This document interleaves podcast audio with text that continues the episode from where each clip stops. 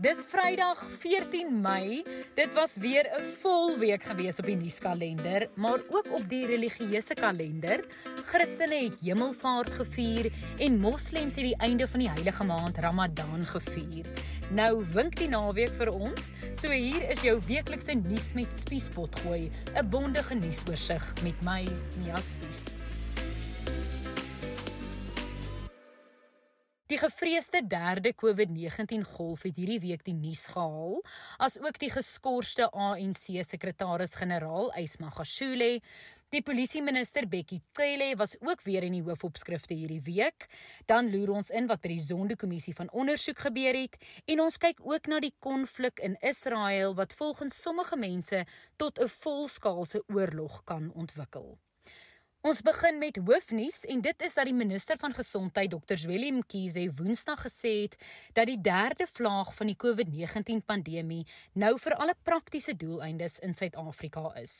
Hierdie waarskuwing is in 'n interne boodskap vir provinsies gemaak nadat die aantal infeksies landwyd gestyg het. In 'n verklaring wat kort daarna deur die departement van gesondheid uitgereik is, word daar gesê dat die stygende getalle infeksies kommerwekkend is, maar dat die derde vlaag nog nie hier is nie. Die Weskaapse premier Ellen Windey het donderdag tydens sy weeklikse aanlyn nuuskonferensie egter gesê dat die stygings in COVID-19 gevalle in die provinsie tekens toon van 'n verwagte derde vlaag in die provinsie. In our 7-day rolling average, we are now more than 20% increase. That means we're in a resurgence. So that's the potential start of a third wave. Now it's in our hands as citizens of this province as to whether it gets fully fledged into a third wave or we manage this resurgence. We keep these numbers at bay. Windy sê een van die maniere om dit te doen is om mense in te ent. Hy het inwoners van 60 jaar en ouer aangemoedig om te registreer. Dit is omdat fase 2 van die nasionale COVID-19 inentingsprogram maandag begin. Dis nou wanneer mense wat 60 jaar en ouer is ingeënt kan word. Ek het vir die hoofredakteur van Bekkie Sisa, die Sentrum vir Gesondheidsjournalistiek, Mia Malan gevra hoe dit sal werk. Op die stadium lyk dit of ons met Pfizer vaksins gaan begin maandag met ons vaksin rollout. Ons het nog nie J&J vaksins ontvang nie en ons weet dat ons minstens 325 000 dosisse van Pfizer het en dat die Wes-Kaapse departement ver oggend aangekondig het dat hulle 30 000 van die dosisse ontvang het. So die dosisse is um, versprei van nasionaal van 'n Johannesburgse warehouse na provinsies toe en provinsies ontvang dit nou. En die Wes-Kaapse departement het gesê dat hulle gaan begin met met gesondheidswerkers en mense eh, van 60 en plus, maar net mense wat in ouete huise is vir die volgende 2 tot 3 weke, so nog nie weier nie. En hulle gaan net um, by individuele sites 'n baie klein groepie mense van 60 plus wat wat persoonlik uitgenooi word en die idee daarvan is om die sites te toets om te sien hoe goed dit vir ou mense werk. Mia sê die res van die land het nog nie baie inligting gekry oor hoe dit gaan werk nie, maar dit lyk of baie provinsies buitehuise vir bejaardes sal begin. Intussen het jong president David Mabuza tydens 'n virtuele vraag en antwoord sessie in die parlement erken dat die regering se enstofplan alles behalwe vlot verloop het sover, maar dat dit grootliks te wyte is aan faktore buite hulle beheer. Mabuza het ook aangekondig dat 'n tydelike skadevergoedingsskema vir entstowwe op die been gebring word. Hier verduidelik hy hoe dit sal werk. In the main, this scheme will provide expeditious and easy access to compensation for persons who suffer harm, loss or damage as a result of vaccine injury that may be caused by the administration of COVID-19 vaccine specified in terms of regulations at a facility within the country. Ander groot nuus die week was die voortsleepende hoogdrama in die regerende party. Dit verras nou regtig nie meer enige landsburgers nie. Hierdie drama is op die spits gedryf nadat die sekretaris-generaal van die ANC, Ysma Gashule, verlede week tydelik geskort is nadat die party sy implementering van die op sy staan resolusie geïmplementeer het. Nadat Magashule geskort is, het hy op sy beurt vir president Cyril Ramaphosa geskort. In die jongste verwikkelinge het die ANC se adjunksekretaris-generaal Jesse Duarte, wat in Magashule se plek waarneem, Dinsdag tydens 'n nuuskonferensie by Letuli huis gesê dat die NK besluit het dat Magashule om verskoning moet vra vir die skorsing van die president en dat hy sy verklaring daaroor moet terugtrek. The NEC decision is that the Secretary General should apologize to the ANC uh, uh, community and also to South Africans. Firstly, this letter that um, suspends a sitting president in the manner that it was done could have had many repercussions uh, and would have perhaps had repercussions. Uh, people started calling from other countries uh, to verify. So there is a need for a retraction. Die vraag is, gaan hy om verskoning vra? Ek het vir die politieke ontleder professor Dirk Kotse gevra en hy sê dit is hoogs onwaarskynlik. Tot dusver het hy die nasionale uitvoerende komitee se gesag om besluit oor hom te neem ontken of selfs uitgedag. As hy nou verskoning sou vra, sou dit beteken dat al sy proses eintlik sal platval.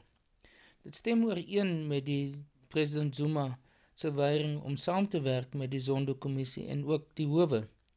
Dit is alles deel van hulle aanspraak dat hulle teikens van 'n politieke strategie is en eintlik geen skuld het nie. Kom ons maak gou 'n draai by die kommissie van ondersoek na staatskaping waar oudminister en die voormalige LER van landbou in die Vrystaat, Mosebenzi Zwane, hierdie week getuig het.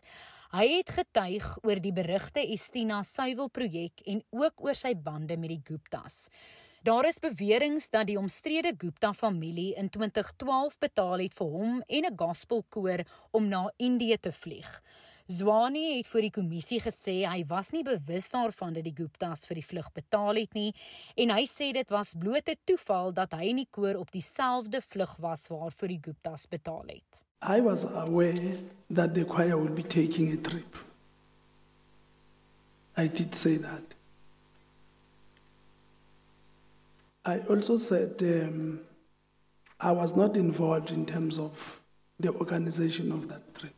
Nou na die minister van polisie Bekkie Cele wat tydens 'n debat in die parlement om verskoning gevra het vir slagoffers van geslagsgeweld en misdaad wat deur die agterstand met DNA-toetse by forensiese laboratoriums landwyd geraak is. Daar is enorme vertragings met DNA-toetse in die polisie se forensiese afdeling en dit het 'n groot impak op byvoorbeeld hofsaake wat dikwels lei daartoe dat hierdie sake uitgereik word. Die minister het gesê hierdie agterstand gee vir die polisie slapelose nagte en dat sy departement hard werk om die krisis op te los. We are fully aware of the significant severe impact that the backlog and delays have caused. However, we remain confident in our intervention measures that are aimed at regaining public confidence and equally restore organizational reputation and image. Nou na verkiesingsnuus, landsburgers trek 27 Oktober hulle kruisies in die plaaslike regeringsverkiesings. Die verkiesingskommissie het hierdie week bekend gemaak dat kiesers die naweek van 17 en 18 Julie sal kan registreer om te stem. Vorige jare is twee registrasie naweke gehou, maar hierdie jaar is daar net eene weens begrotingsbeperkings. Dan is daar ook ander verkiesingsnuus hierdie week en dit is dat nog 'n tussenverkiesing volgende week gehou word. Dis nou volgende Woensdag in sewe provinsies. Ons eindig hierdie week met buitelandse nuus en dit is die toenemende konflik in Israel tussen Israeliese soldate en Palestynse militante groepe. Die geweld het weer opgevlam hierdie week en dit was oor die moontlike uitsetting van Palestynse families uit hulle huise in Oos-Jerusalem. Ons weet hierdie konflik gaan al jare lank aan en dit is nou weer hierdie week op die spits gedryf.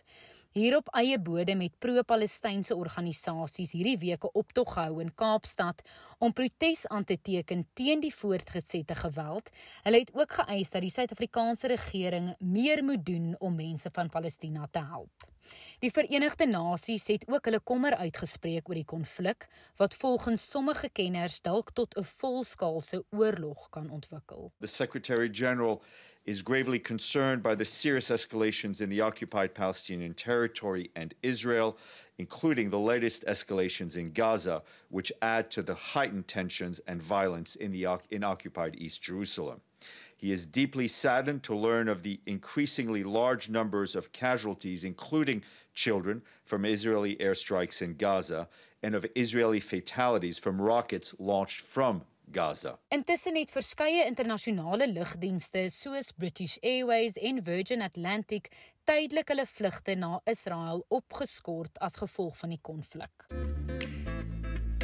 Nou dat jy weet wat aangaan in die wêreld om jou, deel asseblief hierdie potgooi met ander mense op Facebook of Twitter of selfs op WhatsApp. Kopie net die link in die plasing en share dit veral in daai groepe waar die fopnuus altyd versprei. Nuus met Spies is 'n produksie in samewerking met die Potgooi Produksiehuis Volume. Ons vervaardigers is Roland Perolt en Andisiwe May en ons kenwysie is soos altyd deur Curtis Kahl gekomponeer. Tot volgende Vrydag wanneer ons weer gesels. Lekker naweek hou.